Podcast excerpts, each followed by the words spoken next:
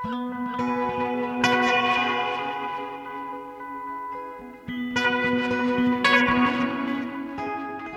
og sæl, kæra lustendur, Guðni Tómasson og Halla Harðardóttir heils ykkur hjá nú hljóðstofi Vísar miðugudaginn 18. januar.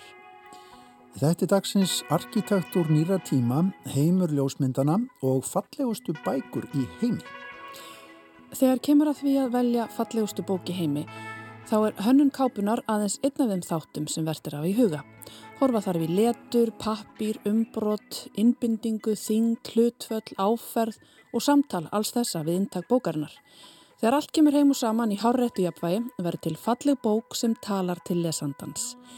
Í 60 ár hefur Þíska bókmyndastofnunum Stiftung Búkkunst haldið utanum alþjóðlega keppni um bókahönnun til að ebla samtal um bækur og hönnun. Á föstu dag opnar félag íslenskra teiknara í samstarfið Hönnunasafn Íslands síningu þar sem að hægt er að sjá og lesa og handleika fallegustu bækur síðasta árs. Við lítum inn hér rétt og eftir. Ímynd heitir heimildatháttaröð í sex þáttum þar sem íslensk ljósmyndun verður skoðuð út frá sjónarhortni lista, landslags, samtímans, skrásetningar, fréttaflutnings og fortíðar og framtíðar. Umsjónakonur þáttana eru lustendum rásar eitt að góðu kunnar, Anna Gíða Sigurgísladóttir og Katrín Ásmundsdóttir sem fjalluðu meðal annars um ljósmyndir út frá ymsum vinklum í þáttunum glans hér á rásinu um árið. En stjórnupptöku og framleiðsla þáttana er í höndum Hrafnhildar Gunnarsdóttur. Við tökum Katrínu Ásmundsdóttur tali í þætti dagsins. Og við heyrum pistil frá Óskari Arnórsinni sem að þessu sinni ætlar að fara yfir árið 2022 í arkitektúr. Hvað er það sem að honum finnst einkjana árið sem var að líða og í hvað átt eru arkitektar að horfa í dag? Hvað ber framtíðinu skauti sér þegar kemur að ströymum og stefnum í arkitektúr? En við hefjum þáttinn í Garðabænum með heimsókn í Hönnunarsapn Íslands þar sem Halla heiti Anton Ílluarsson hjá félagi íslenskar teiknara til að ræða fallegustu bækur í heimi. Anton, hér standu við framann fallegustu bækur í heimi og það er svona, það rópa á mann. Man langar svo bara stökkvaðar, lesa þær, það eru auðvitað alls konar tungumáli, mér get ekki lesa þær allar en bara snerta þær og opna þær og koma við pappirinn og þær eru ótrúlega fallegar Ég er mjög sammála. Eh, það er kannski fallega við mitt bókahönnuna er að hún er svolítið eins og myndlistin. Maður þarf ekki alltaf að skilja hérna til þess að geta svona metið hvað þeir eru vel hannaðar og fallegar. Segðu mér hans frá þessari keppni. Hún er rótgróin eða ekki? Uh, jú, þetta, hún hefur haldinn frá 1963 og hérna hún er haldinn af samtökum í Þýskalandi sem heita Stiftung Buchkunst og með því markmið svona að eh, auka samtal eh, svona alþjóðlega um bókahönnun. Já. Mm -hmm. 1963 var eitthvað sérstaklega að gerast þá svona sem að var til þess að var nöðslegt að auka samtal um bókahönnun í Þýskalandi? Uh, svona kannski um allan heiminn kannski var bara hérna einmitt, einmitt akkurat þörf til meiri alþjóðlega samt, samtalsum hérna, um hönnun Og, og hvernig fer þetta fram? Hvernig virkar þetta? Geta, hér eru allavega 14 bækur frá uh, eitthvað mörgum löndum. Segð mér að frá því hvernig, hvernig þetta fer fram? Uh, þetta er fyrirkomlega eins og þannig að hérna, það eru haldnar svona keppnir í hverju landi fyrir sig, bara og í Þýsklandi, Sviss, Kína, það sem er velunað best hönnuðu bækunar og við höldum hérna á Íslandi fít velunin, þar sem við erum mitt velunum bestu bókahönnunina og þær bækur eru sendar inn í þessa svona alþjóðlegu keppni mm. og hérna og það er 14 sem standa upp úr uh, komast á, á tilhemningalista mm. og svo sérstaklega veitt velun fyrir svona þær sem skara mest fram úr en þá í því samingi að vekja svona mesta, mesta samtal mm -hmm. um svona nútíma bókahönnun -hmm. Ég mynda mér að það sé kannski erfitt að finna einhver svona eina línu besta bóka hönnuninn að við erum að tala hérna um allan heiminn það, þetta eru bækur sem komur ótrúlega ólíkum menningarsamfélögum hvernig, hvernig allir þetta bara virki? Þetta er náttúrulega svolítið eins og að bera saman eppli og appelsínur að hérna, eins, og, eins og talar um að það eru mjög svona ólíkar eh, áherslur í bóka hönnun út frá bara arfleið þjóða og það er eins og að tala um að, að séu bókin frá Hollandi sem á, á mikla og ríka hönnunar hefð og, og það litast inn svona stefnur þess tíma eins og destíl tímbalið í, í Hollandi virðist svona lita mikið inn í þeirra bóka hönnun og meðan eins og svislendingarnir og, og þjóðverðinir er mjög svona reglubundnari í sinni hönnun. Mm, Svo stöndum við hérna fyrir framann sko eina af ekki vinningsbókin en hérna eina af þessum 14 bókum og þetta er bókakassi sem kemur, maður sér það strax að þetta kemur frá Japan Já, þetta er mjög skemmtileg svona, hérna, og ólík að sína hvað svona fjölbreytnin í keppninni er, er mikil að þetta er sett hérna, 100 ára ammælis útgáfa af eh, japanskum teiknimindasögum mm. eh, frá hérna karakter sem heitir eh, Do, Doraemon, ég vona hérna, ég, ég sé ekki sláttur það fram börunum, en hérna það er búið að taka saman teiknimindasögur aftur í tíman og, og endur gefa út og endur binda inn í, í svona fallega hérna, taukápu með gill, gildri þrykkingu á hérna, kjölinn sem gerir þetta mjög veglegt ritt mm -hmm. og svo er pappirinn alveg einstaklega uh, sérstakur svona þunnur en áferðafallegur. Og það sama á við marga bækur því að pappirinn er alls konar, það er auðvitað ekki hægt að lýsa þessi útvarp hvernig þessar bækur líta út. Fólk verður bara að koma inn á hönnunasafni til að sjá þær og handleika þær. En uh, þú talar um að vinningsbókin sé frá Hollandi og þar sé svona ákveðin rík hefð, auðvitað við vitum að þeir hafa alltaf verið framústefnulegri hönnun og rík hefð fyrir hönnun þar en uh, hér er uh, alls konar bækur frá alls konar löndum uh, er, er, er hægt að tala um einhvern ákveðin stað sem svona mekka bókahönnunar í dag eða, eða hvernig er það? Ætlum að það sé ekki rosalega personabundi svona eftir, eftir hérna hvað maður fílar innan heimi bókahönnunar mm.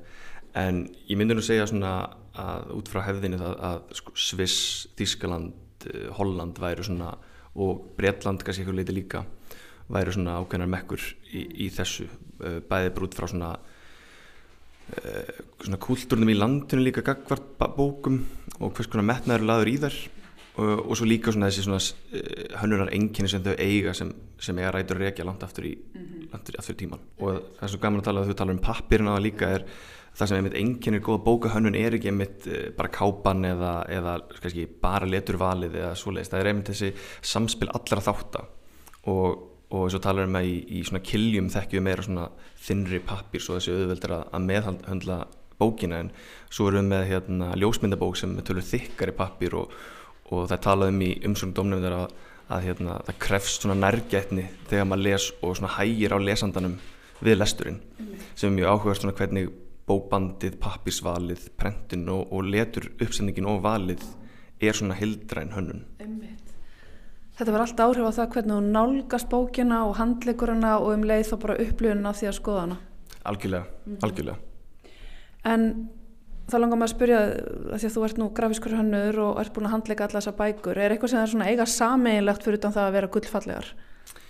Ég held að sé svona vandvirknin og svona hversu mikið er hugsað um einhvern einasta dítil. Það er svona það sem held ég svona saman hvað sem er svona er samnefnari þeirra allar, allra.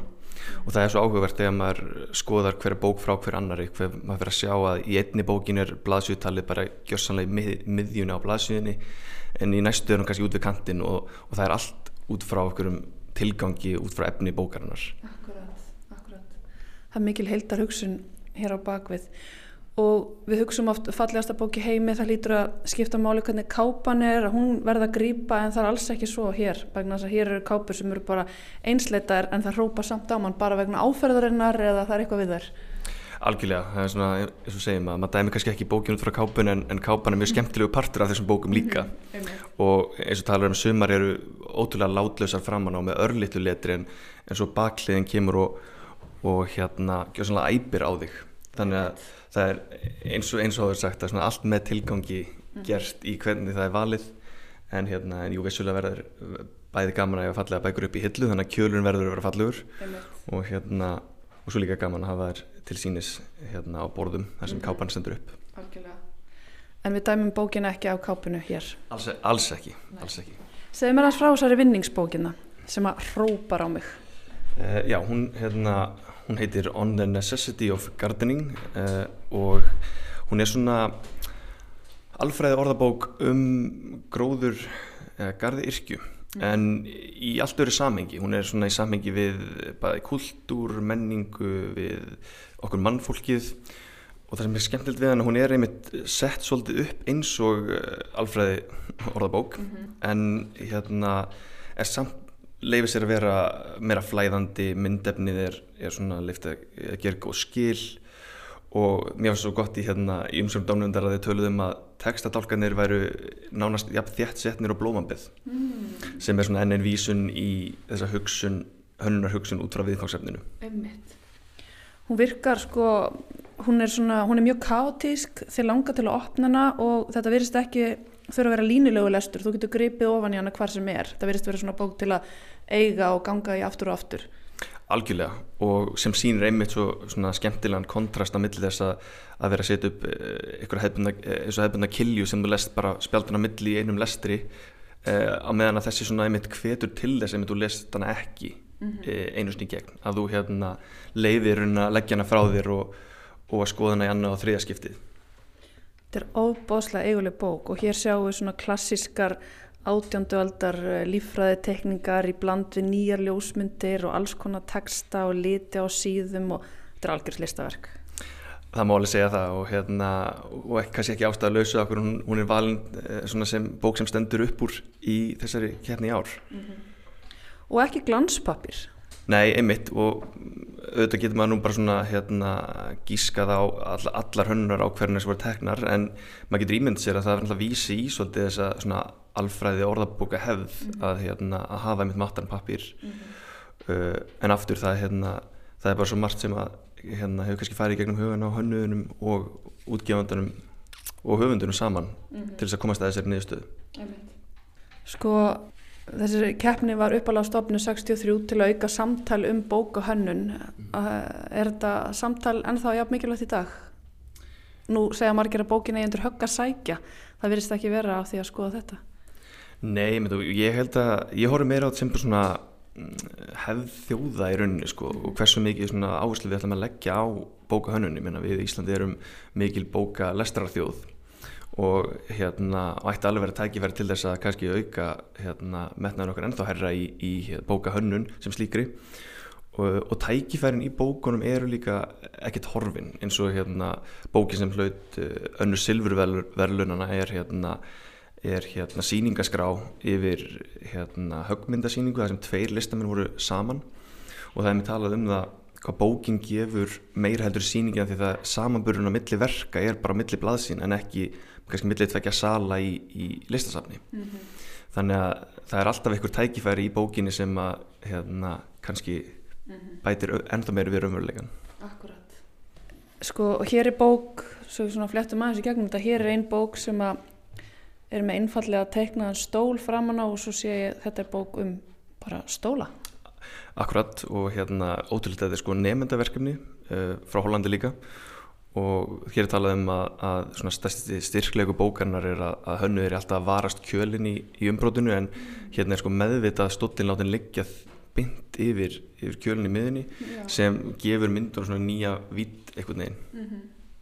Og svo þessi badnabók, ég get ekki sleftir að hans að spyrja það eins út í hanna Nei, já, þessi hérna badnabók uh, kemur frá Úkrænu og hérna heitir uh, On the Move er þýðingin sem er mjög viðegandi að því að hérna, hún fjallar um reyfingu, reyfingu fólksins, dýrana og hlutana og prentaði þessum virkilega björnum litum og það er einmitt í gegn skín að við hefum verið að ræða hinga til þessi svona hildrana hugsun sem letri er, er allt hérna ætalika skáhallandi til þess að vísa í þessa reyfingu og með þess að látin fylgja skáhallandi lína mm -hmm. sem hérna, ennþá ítir undir þessa hugmyndum hreyfingu og það er gaman að segja frá því að veist, uh, viðfangsefnið skiptir ekki eins miklu máli uh, eldur maður myndi kannski halda í gera fallegra bóka því að snýst bara um að velja réttu, svona, réttu hönnununa til þess að tala við viðfangsefnið mm -hmm.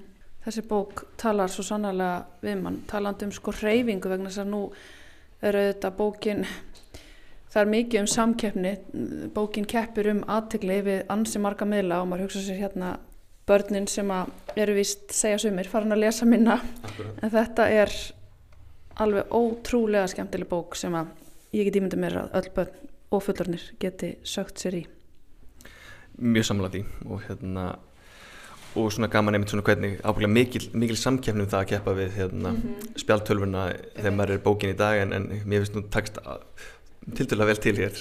Alveg ótrúlega. Er svona örstuðalókum hérna færum okkur aðeins yngar heim uh, Íslenskir bókahönniður er um, gróska í þessu hérna heima, hvað finnst þér? Já, mér finnst, mér finnst það að hérna, sérstaklega ekki meðal grafískar hönnu er mikil áhugi fyrir bókahönnun uh, og hérna, eins og segi við höfum verið að veita velun í fít velununum fyrir uh, bæði fallegustu kápunar, eða best hönnuðu kápunar og bækunar og vonandi með því að fá svona síningar inn er þetta kannski líka svona liftistöng fyrir þann áhuga og gaman að segja frá því að, að við höfum nátt þannig samkominlega við hérna, stiftung búkkunst um að velunabækurnar í fítvelununum í ár vera sendar í þessa alþjóðlegu keppni á næsta ári. Þannig að vonandi veru að flytja inn aftur íslenska bækur hérna kannski árið, árið liðinu.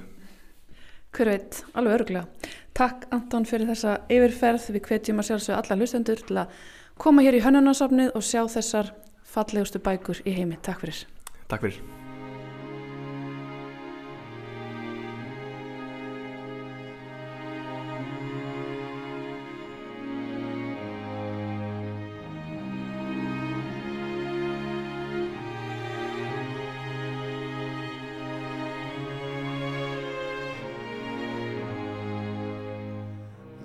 of love is long and boring.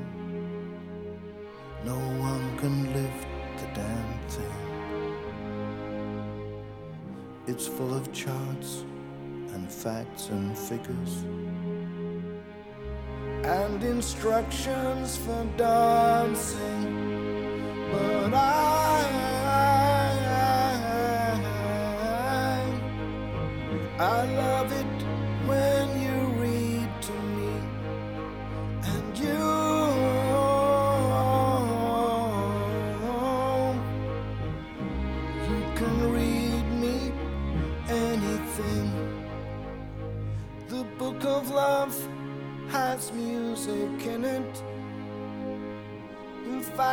that's where music comes from.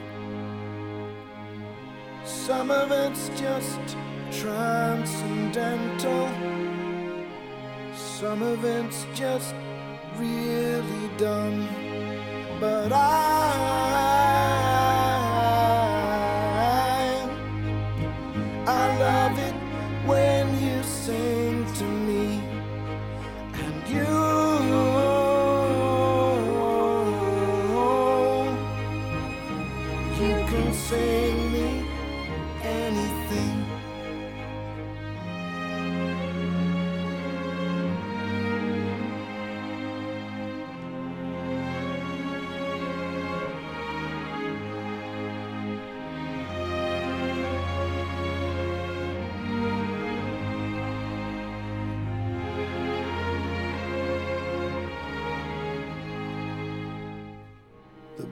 love is long and boring and written very long ago. It's full of flowers and heart shaped boxes and things we're all too young to know. But I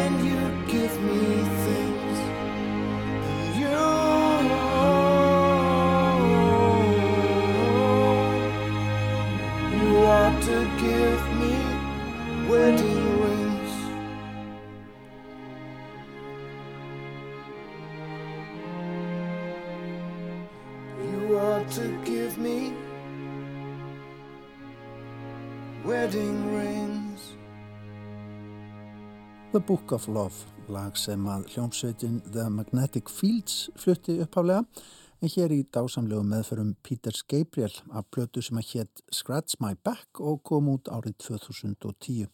Já, einam uppáhaldsblötum þessum hér talar. En hér leikið á eftir samtali höllu um bækur við Anton Jónas Ílluarsson sem er grafískur hönnuður og heldur utanum síningu Fíl félags íslenskra teknara á fallegustu bókum í heimi sem að opnar á förstu dag í Hönnunarsafni Íslands í Garðabæk hvar annar staðar. Hvar annar staðar? Ja. En úr bókunum förum við yfir í arkitektur. Við fengum Óskar Arnósson, arkitektur fræðing og pislahöfund okkar hér í Vísjá, til að velta fyrir sér árunum sem var að líða og hvað hefur byggða umhverfi segir okkur um tíðarandan eða það sem að koma skal. Óskar, tekunum við.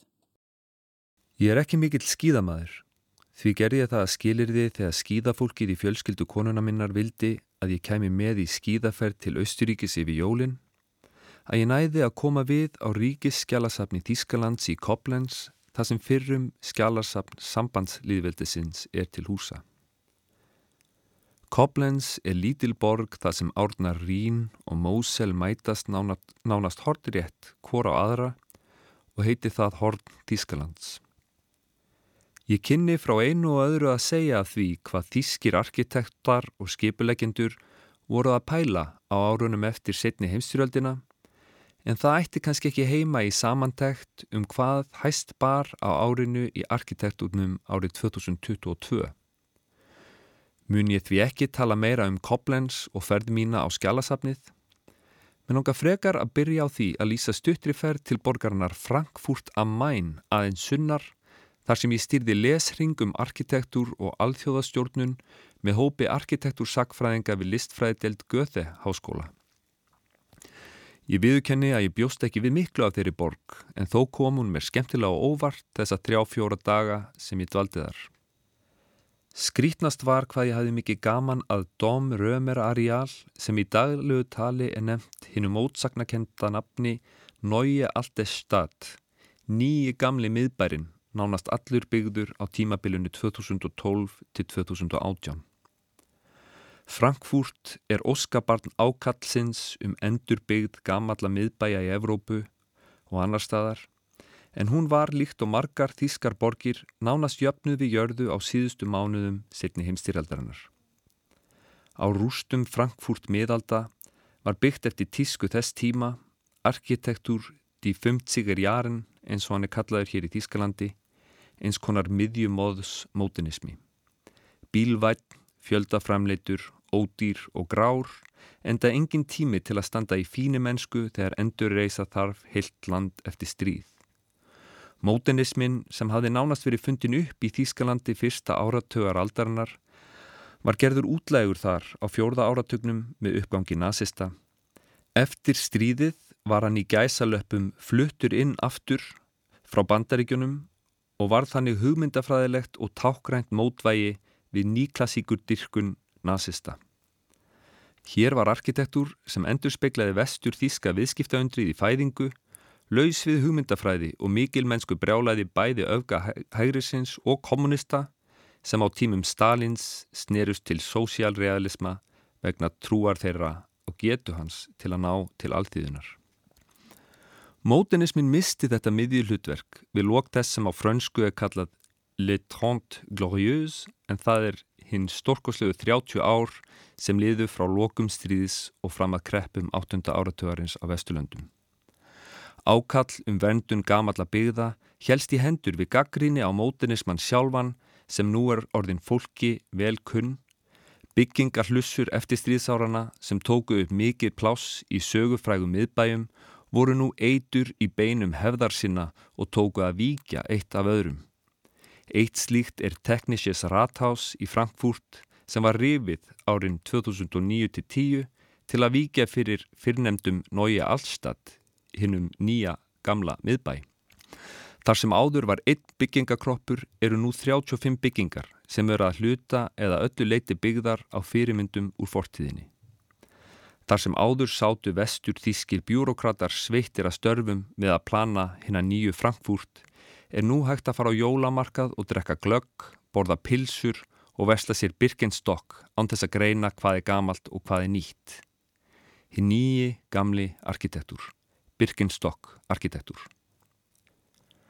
Ástæðan fyrir því hvað ég gerir mér svona mikið mat úr þessari stuttu ferðminni til Frankfurt af öllum stöðum, nú þegar ég líti við völlin og kanna hvað stóð upp úr árinu 2022, er líklega því að Frankfurt speiklar svo vel það sem hefur verið að gerast á Íslandi á sama tíma í minni mynd það sem takast á bílaborgin og gönguborgin, nýmótinismin og hefðismin, flötþög og hallandi, Yeezys og Birkenstock.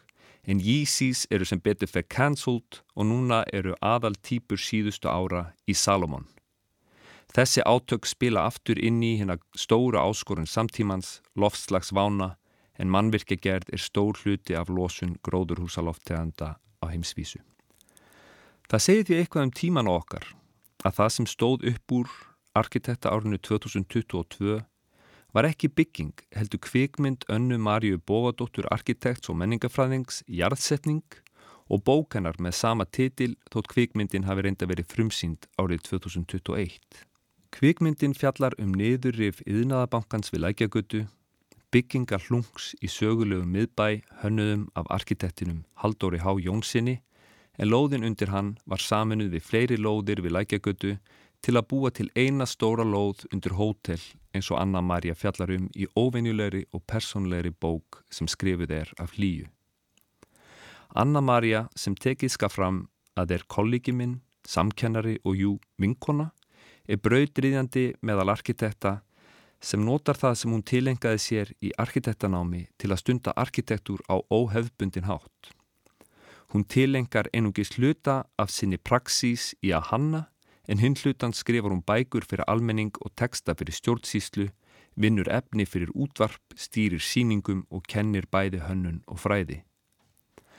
Anna-Maria er arkitekt framtíðanar, arkitekt fyrir tíma sem hafa ekki jafnmikla þörf fyrir nýjar byggingar og þeir hafa fyrir endurhugsun þess sem þegar er til staðar. Því það er ekki síst það sem að myndin og bókin fjalla um. Yðnaðabankin var sagður ónýtur eftir brunan sem læsti sig í hans skömmu eftir að hann reys. Steipustyrtarjárnið hafði farið á skrið og það ógnaði burðathóli byggingarinnar. En er ekki ónýtt bygging oft yfirskinn til að hlúa ekki að því sem fyrir er, heldur hendaði. Og kurslags umhverfispolítik er það, bæði hjá arkitektum og stjórnmálamönnum, þegar íbúum Vesturlanda fer fækandi um leið og þeir þurfa að minka losun sína.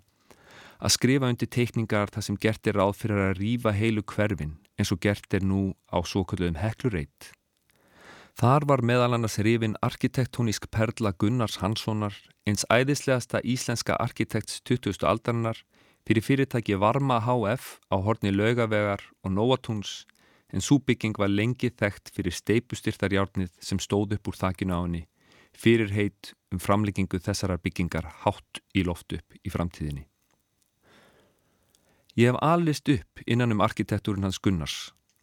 Arkitektinn sem vantaði í stjættatalið eins og B.A.Nemin Kristín Guðmundsdóttir orðaði það svo skemmtilega í framúrskarandi rítgerð sem hún skrifaði við Listaháskóla Íslands um Gunnar við lók síðasta áratugar undir handleyslu Péturs, Péturs H. Ármannssonar sem nú vinur eitt af sínum allrómuðu bókverkum um Gunnar en annar hápunktur ásins í arkitektúr var einmitt bók Péturs um fyrrnemdan Haldur H. Jónsson, arkitekt yðnaðabankans.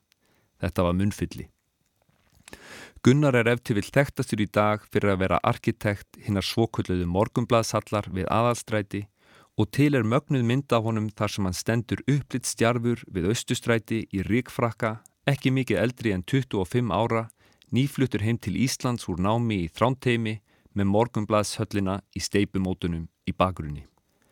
Ég hef búið bæði við útlýð og skaftalýð þar sem byggingin sem Gunnar hannaði fyrir tryggingu HF en hýst hefur nýherja 365 miðla og nú síðast skrifstofu landsbítalans trónir yfir hverfinu. Ég las jólaguðspjallið á litlu jólunum í kirkju óháðasafnaðarins á tíunda áratögnum og lærði síðan að olla niður tröppurnar á hjólabrettinu mínu nokkrum árum síðar enda byggingin einstaklega hjólabrettanleg eins og margar byggingar eftirstýrstárana, ekki síst byggingarnar hans Gunnars. Það var mín uppáhaldsbygging, langt áður en ég byrjaði að læra arkitektúr, bygging sem kendi mér hvað arkitektúr er. Ég var einn unglingana sem hjekka á hlemmi, annari allræmdir í byggingu eftir þennan arkitekt velfæraríkisins þótt ég hafi verið heldur saglýsisleg útgáfa af þeirri tegund og bar út djefaf í hús hverfisins en blaðið var skrifað í þverholti 11 þar sem ég starfa nú sem lektor í núverandi húsakinnum Listaháskóla Íslands. Ég notaði peningin fyrir aukablöðin sem ég seldi leigubílstjórunum við hlem til að kaupa Wu-Tang soloplötur í Japís í Brautarholti, hinum einn við göduna þar sem nú er Reykjavík Rósters. Arkitektastofan Gláma Kím bætti ofan á skrifstofubyggingu Devaf tveimur hæðum þegar breyta átti byggingunni í íbúðir og má sjá teikningar þess efnis á borgarvefsjá Reykjavíkuborgar tímastimplaðar kortir í fyrir hrun frá 8. apríl 2008.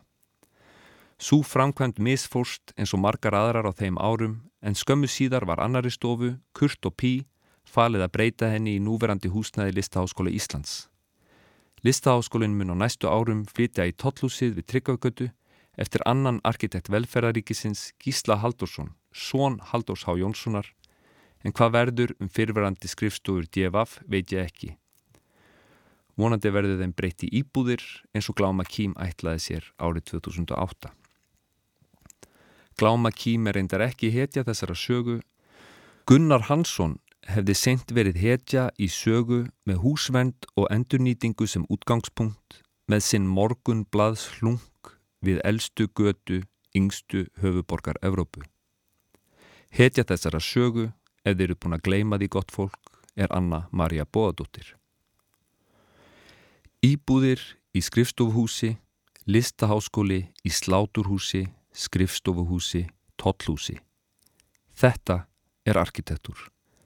Að taka það sem fyrir er og prjóna við það eins og svo skemmtilega er sagt á íslensku, setja í nýtt samhengi, endur tólka og endur skrifa.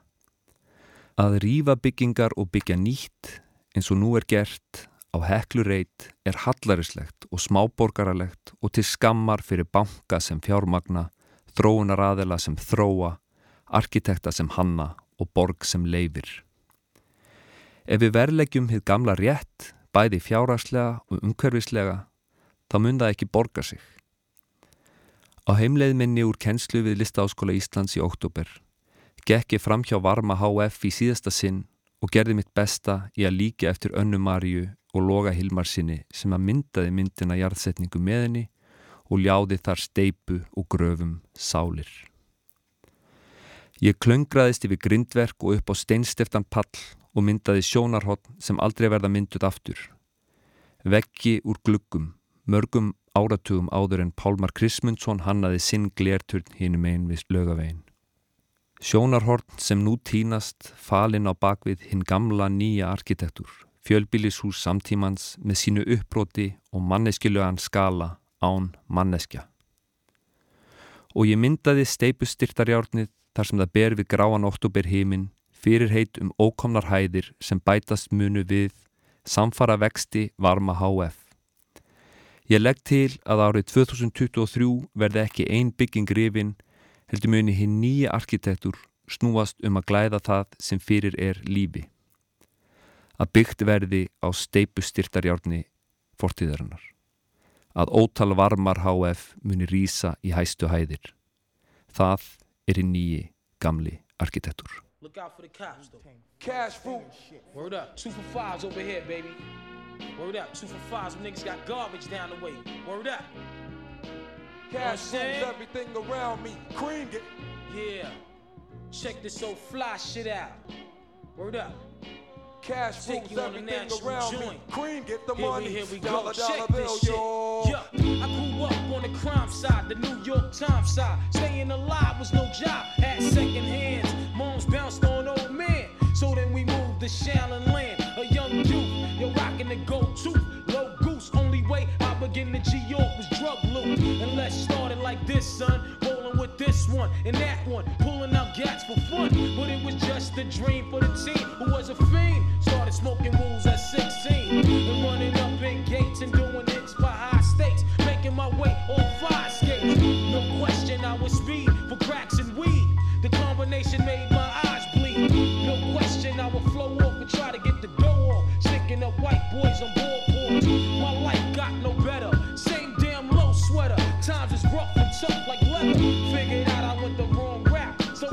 With a sick ass click and went all out. Catching keys from cross seas, rolling in MPVs. Every week we made 40 G's. Yo, nigga, respect my a nigga the tech notch. Bow, move from the gate now.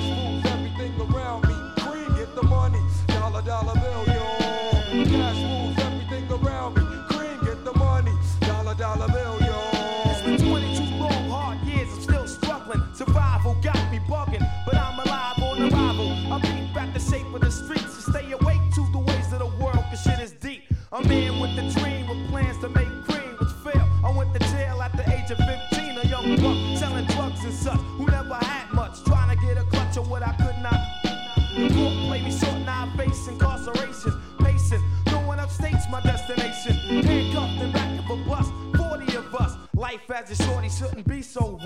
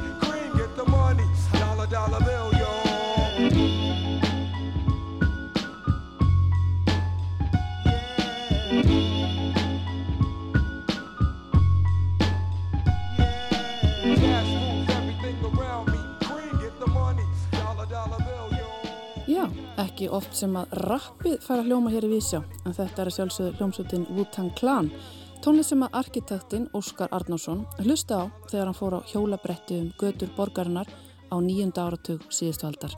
Óskar fór hér yfir það sem að honum var standa upp úr á síðast ári í arkitektur hér landi og það var bókin Jarðsetning eftir önnu Marju Bóðadóttur. Bók sem að honum finnst standa sem áminningum það sem að arkitektur eigi að gera í dag, ekki rífa til að byggja nýtt, heldur skapa eitthvað nýtt á grunni hins gamla. Já, og hugleðingum um arkitektúr þá förum við yfir í hugleðingar um ljósmyndun. Leggjum við hlustir, hlustendur góðir og reynið að sjá fyrir ykkur bæði sjónvastátt og ljósmyndir. Við hefum þáttaröðina á þeirri tegund ljósmynda sem að noti hefur almennra vinselda frá upphafi á andlitsmyndum, portréttum. Það er að segja mannamyndunum.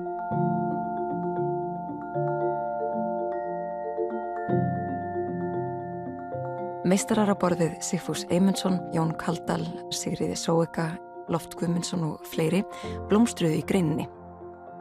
Öll lögðuðu grunninn að sínum ferli með mannamyndum og höfðuðu af þeim lifibröðu sitt. Við skiknumst inn í upphafið, kynnumst minna þekktum ljósmyndurum og stöldrum síðan við í okkar samtíma. Hér ágættu hlustendur heyrðum við brotur hljóðurás nýrar sjónvastáttaraðar sem að fer í loftið á morgun 50 dag klukkan 20.05. Þetta eru þættir sem að heita Ímynd, sex sjónvastættir, heimildatháttaröð um íslenska ljósmyndun. Þar sem hún er skoðuð út frá ýmsum sjónarhornum. Umsjón með þessum þáttum hafa Anna Gíða Sigurgísladóttir og Katrín Ásmundsdóttir sem að reyndar eru hlustendum rásar eitt að góðu kunnar sem dasgrákjærðamenn hér svona, já, inn á millu og, og úr fortíðinni. Eh, en stjórn upptöku og framleiðslu stjórnar Hrafnildur Gunnarsdóttir. Þetta er sem sagt þríegið sem að stendur að þessum þáttum. Og hingað komin Katrín Ásmundsdóttir annar höfund á umsjónamanna velkomin Katrín. Takk, Gunni. bara ef við förum í það, hvernig gemur hugmyndin upp að gera þætti um ljósmyndin á Íslandi eh, bara í fortíð, nútíð og eiginlega framtíð Í rauninni sko ef að, ef að það er ef ég hef það rétt eftir, þá var það dagskrafstjóri sjónvarps, Já. Skarpján Guðmundsson sem átti þá hugmynd. Og það hafa verið svona serjur núna síðust ár um menningu, um dans og svona annað. Og það var í rauninni þannig sér komið að ljósmyndum fannst honum. Og hann hafði rætt það við Hrafnildi og svo heyrði hann útvarstætti sem við annarkiða gerðum á Rás 1 fyrir nokkrum árum um ljósmyndir og þannig í rauninni svona kemur hann okkur þremur saman. Mm. og við fyrir að vinna þessu verkefni. Fyrir mér þá hófst þetta sem útvarstættir og, og það er búið að vera rosalega skemmtilegt að finna út úr því hvernig þú vinnur í rauninni sama efni fyrir annars vegar útvarp og svo sjónvarp. Allt aðra miðla með allt aðrar reglur og áherslur. Einmitt. Þetta þekki maður náttúrulega búin að hérna, tala um myndlist og, og, og þar á meðal ljósmyndir í mörg ár. Þessar skeknilýsingar í útvarpi eru svo skrítnar. Eh, Það er að segja að maður sér aldrei neitt. Nákvæmlega, En svo er allt annað að taka á sama efni við og fá myndina, ekki satt. Ég menna var það ekki bara daldið átak fyrir ykkur að, að svona setja ykkur inn í þann hugar, það hugar ástand. algjörlega og það var rosalega gott að hafa Hrafnhildi sem er þaulvön kvikmyndagera kona sem að algjörlega þekkti þann vingil í þessu öllu saman og því rauninni voru við svo vanar að miðla hlutu með orðum og þá kannski svona þeim stundum aðeins ofaukið og hún þurfti svolítið að halda aftur á okkur að því leitinu til. Og það var rosalega skemmtilegt og lærdomsvíkt að ég mitt læra þetta hvernig við notum þetta sjónræna frekar til þess að segja sögu uh, og, og kannski síður orðin. Þeir eru þetta með þemu í hverjum þætti, sé hérna á dagskrákynningu að það sé íslensk ljósmyndun skoðuð út frá sjónarhorni lista, landslags, samtímans, skrásetningar, fréttaflutnings, fortíðar og framtíðar. Það eru þetta, þetta er svo magna fyrirbæri ljósmyndina, það er þetta veldinni á alla kanta. Algjörlega og við náttúrulega vorum bara í rauninni gjörsamlega, uh, hvað segir maður, overwhelmed á íslensku. Bara Það þyrmdi yfir okkur. Þyrmdi yfir Já. ykkur og hafa ansetnar bara. Já, já, bara hvar byrja maður? Því að sem betur fyrir erum við svo heppin að þetta er engin smá saga hér á landi og það er svo mikið að hæfileikar ykkur fólki. Hvar byrjaru, um hvað byrjar að tala? Þetta var bara í rauninni margra mána höfuverkur.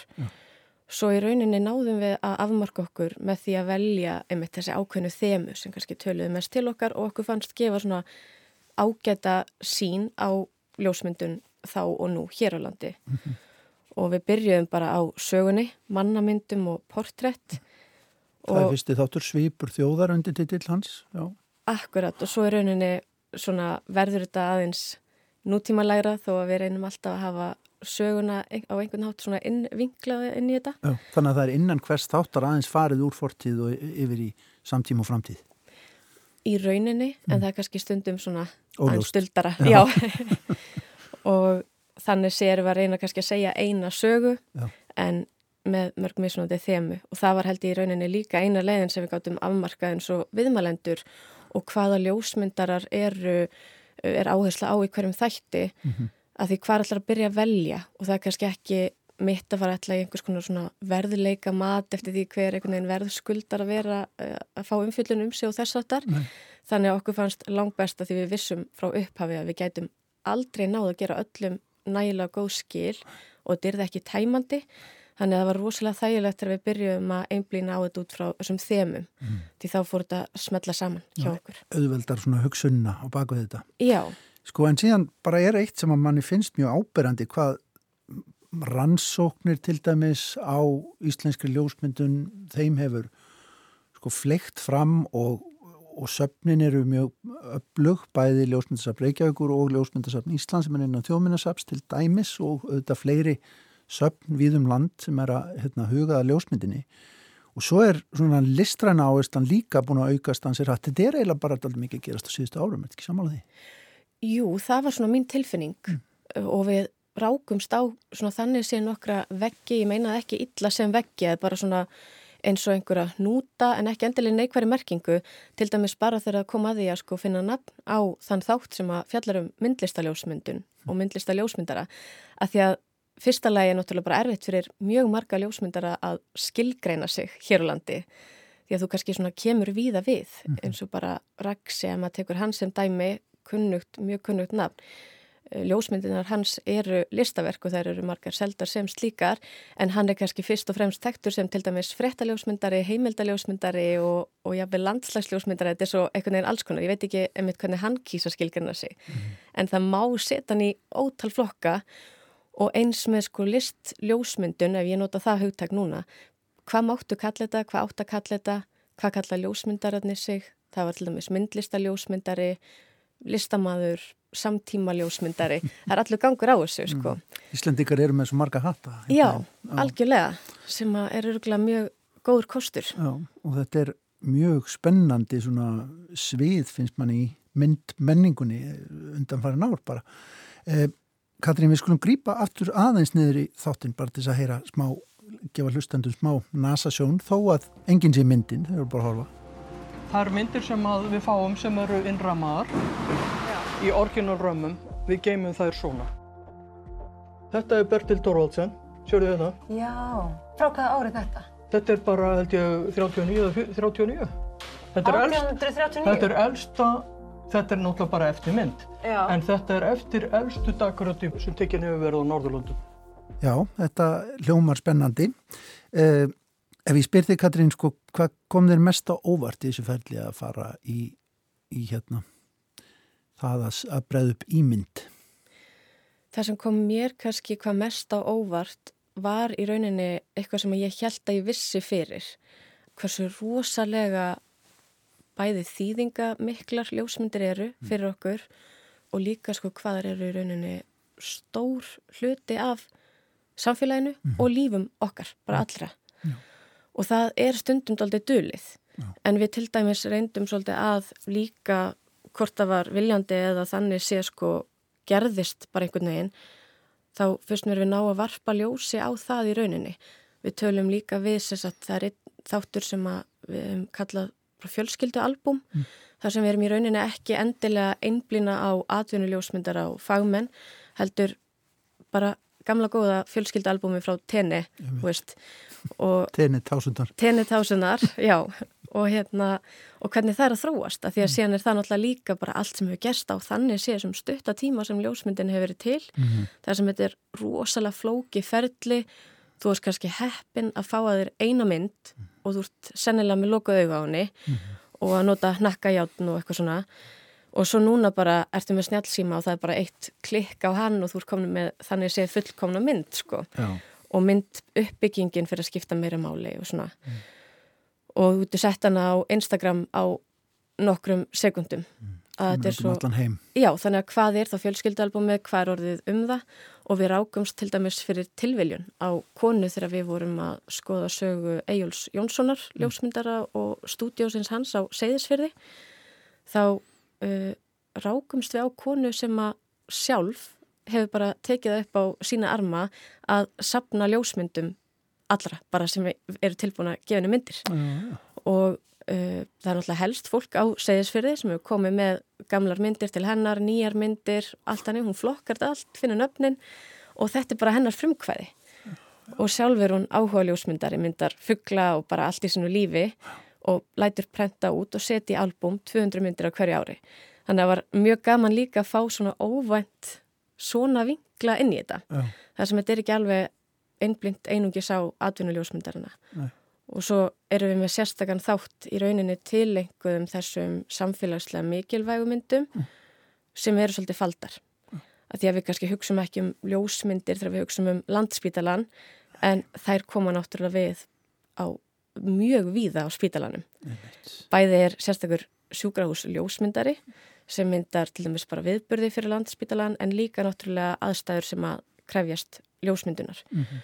Uh, og svo er réttameinafræðingar, þeir þurfa að taka myndir og lögreglumenn, stopnanir, Og röngin og allt þetta. já, vegabrefið og þetta er út um allt, einhvern veginn. Sko, þetta lítur að vera alltaf gefandi vinna að, að, að ná þessu saman og hérna, er þetta ekki búið að vera já, forvitnilegt að, að, grafa upp sko mismunandi hliðar á þessum galdri sem ljósmyndin er, við megum heldur ekki gleyma því. Þetta er svo magnað fyrirbæri og svo valdæflandi og, og það er svo margar áhugaverða liðar á, á bara því að taka eina mynd, hvernig velumæður og rammamæður og allt þetta. Jú, þetta búið að vera í rauninni töfrandi og krefst sem kannski komir á óvart að því að þetta er þáttur um ljósmyndir, kannski fræðandi einhver leiti, en þetta krefst líka svona sjálfs íhugunar, þannig séð mm -hmm. hvaða þýðingu hefur myndin fyrir mig, í hverju er maður að spegla sig og síðan er mitt mjög gott fyrir okkur þrjára að geta rætta okkar á milli og svo kannski sjáum við eina mynd en við erum með þrjár gjörsamlega ólíkar tólkanir. Mm -hmm. Þannig eins og segir þetta er magna fyrirbæri. Mm -hmm og af hverju talar þessi ljósmynd svona rosalega stert til mín mm. en kannski ekkert til segjum bara önnugiðu og öfugt Ætlitt. og þannig að þetta verður, þetta er personulegt fyrirbæri einhvern veginn Já. bæði listin, sagan, hvað heitlar hana við söguna, hvað heitlar mig við söguna hvað heitlar höppu, mm. eins og segir þetta er svo marg brotið í rauninni. Já. Og við meðum ekki gleyma galdrinum. Alls ekki, alls ekki. Nei, þetta verður spennandi, við bendum á þessa þáttaröð sem heitir Ímynd, sex þættir hefjast á morgun 5. dag kl. 20.05. Fyrsti þáttur heitir Svipur þjóðar og það eru höfundar Anna Gíða Sigurgisladóttir og Katrin Ásmundsdóttir sem við rættum við hér og stjórn upptöku og framlegslæðir í höndum Rafnhildar Gunnarsdóttur. Mælum með þessu spennandi sjónvarp á 50. Takk fyrir komuna Katrin. Takk fyrir mig. Kröftigir kvenljósmyndrar voru víðar en bara á austfjörðum. Hinn dansk ættaða Anna Sjött er gott dæmið um það. Þessi kona var stór merkileg. Sennilega elsta glærplatan sem við eigum með frummyndin er um, myndir önnu sjött sem hún tekur hafís árið 1882. Hér erum við með blötuna. Þetta er platanan önnu frá, hérna sér þið húsið hennar. Þá fer hún út á, á hafís, eða Grænlandsís sem hefur komið frá Grænlandi og tekur mynd af húsinu sem myndastofunni og, og bakkarínu sem hún bjó í. Og uh, hún hefur rispað í ísin hérna 28. ágúst 1882. Hún stendur á ís? Já, jakka. Og tekur þetta með þessari stóru vél sem þið? Já, já. Þrýfóturinn stendur á, á ísjakka sem hefur strandað hérna uppið, uppið, sér bryggjuna hérna. Mm -hmm. Ég held fyrst að þetta væri þessari bryggju. Hún setti þrýfóturinn út á, á, á hérna ísin og hún þurfti semst að hlaupa þá semst, þegar hún var búin að stilla allu upp þá þurfti hann að búa til plötuna inn í myrkrahörbygginu hleypur út í myndavéluna, tekur myndinu aftur inn til framkallana og þetta er niðurstaðan. Hljóðbrot úr fyrsta þætti þáttaraðarnar Ímynd sem að hefst í sjónvarpinu Anna Kvöld um íslenska ljósmyndun. Þar hafa umsjón með þáttunum er Anna Gíða Sigurgísladóttir og Katrín Ásmundsdóttir sem að sað okkur þarna frá þáttunum eru sex talsins næstu 50. kvöld í sjónvarpinu en það er Hrafnildur Gunnarsdóttir sem sér um upptöku og framlegslu þáttana. Já, og á þessu samtali um ljósmyndun ljúku við þættunum í dag. Verðum að sjálfsögja aftur hér á sama tíma morgun. Takk fyrir okkur og verið sæl.